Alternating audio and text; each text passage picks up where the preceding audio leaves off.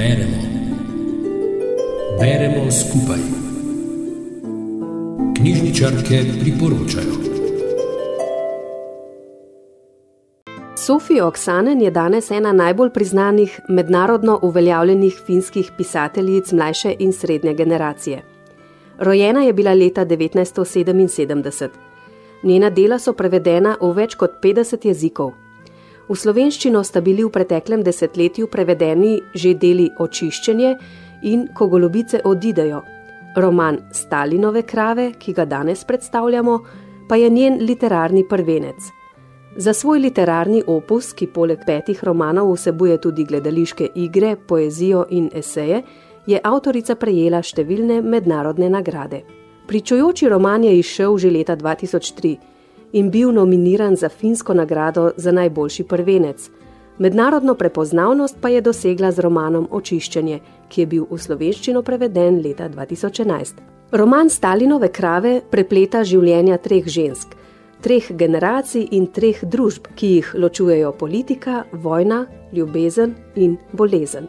Skozi zgodbe treh generacij, babice Sofije, mame Katarine in hčerke Ane, se razgaljajo okupirana Estonija strani Sovjetov, kapitalistična Finska in komunistična Rusija. Junakinja Ana je po mami Estonka in po očetu Finka. Občutke sramu in krivde zaradi drugorazrednosti svojega izvora, ki jih že od malih noh uceplja mama Katarina, se Ana nauči obvladovati z bolezenskim nadziranjem telesne teže, kar postopoma popolnoma zavlada njenemu življenju. Roman je pretresljiva pripoved o življenju v strahu pod sovjetskim režimom, o razblinjenih utvarah o bogati državi na drugi strani Finskega zaliva in sprevrženem klicu mlade ženske po ljubezni. Dogajanje je postavljeno na Finsko in v Estonijo v drugi polovici 20. in na začetku 21. stoletja. Hči Ana je osrednja oseba in pogosto tudi glavna pripovedovalka življenjskih zgodb vseh treh protagonistk. Ana samo sebe določa z dvema temeljnima kamnoma romana: je narodnostno mešanega porekla in ima motnje hranjenja.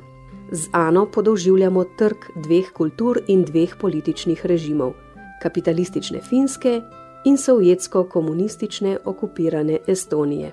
Čeprav je Ana rojena na Finskem in tam tudi živi, se močno identificira z estonskim delom sebe.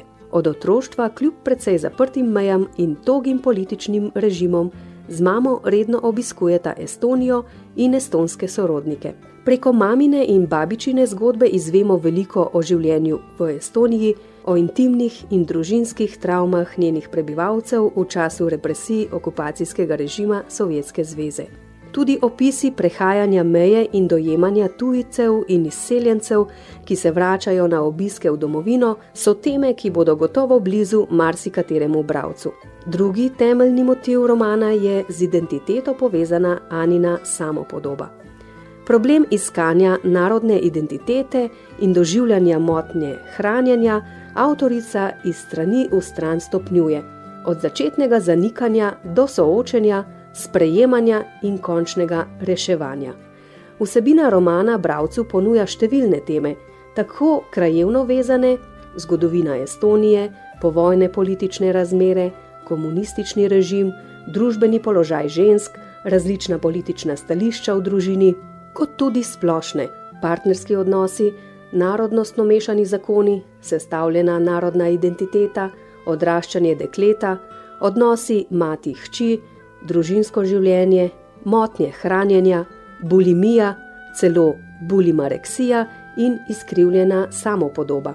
Sofija Oksanen je ob izidu romana Ko golobice izginejo obiskala tudi Slovenijo. Govori o časih nemške ter sovjetske okupacije med drugo svetovno vojno in desetletja po njej. Romana nista samo in izključno fikcija, temveč je vzela za podlago veliko število različnih zgodb. Študije literature, ki se ukvarja s tematiko okupacije Estonije, pa tudi izjemno veliko predelanega gradiva o propagandi, ki jo je v tistem času izvajala Sovjetska zveza. Ob obisku je prodorno in s kritično distanco orisala stanje tako v Estoniji, kot v Rusiji dan danes in dejala, da Rusija ljudstvo na načine, ki se jih je posluževala v preteklosti, zavaja še danes. Pisateljica pravi, da marsikateri prebivalec Rusije še danes ne ve, kakšno je stanje v državah, ki jih je nekdaj okupirala Sovjetska zveza. Prepričan je, da jim gre slabo, brez podpore velike in dobre matere Rusije. Sofija Oksanen nikoli ni želela pisati o dogodkih iz svojega ožjega okolja, saj se zaveda lastne subjektivne upletenosti vanje in posledično nesposobnosti surove objektivnosti, vendar v zadnjem času zaradi pogostih potovanj v tujino opaža, da je zmožna biti vse bolj objektivno kritična tudi do dogodkov v domačem okolju. Prispevek sem pripravila in prebrala Tanja Erlah. Rubrika Beremo skupaj nastaja v sodelovanju z Radijem Sora.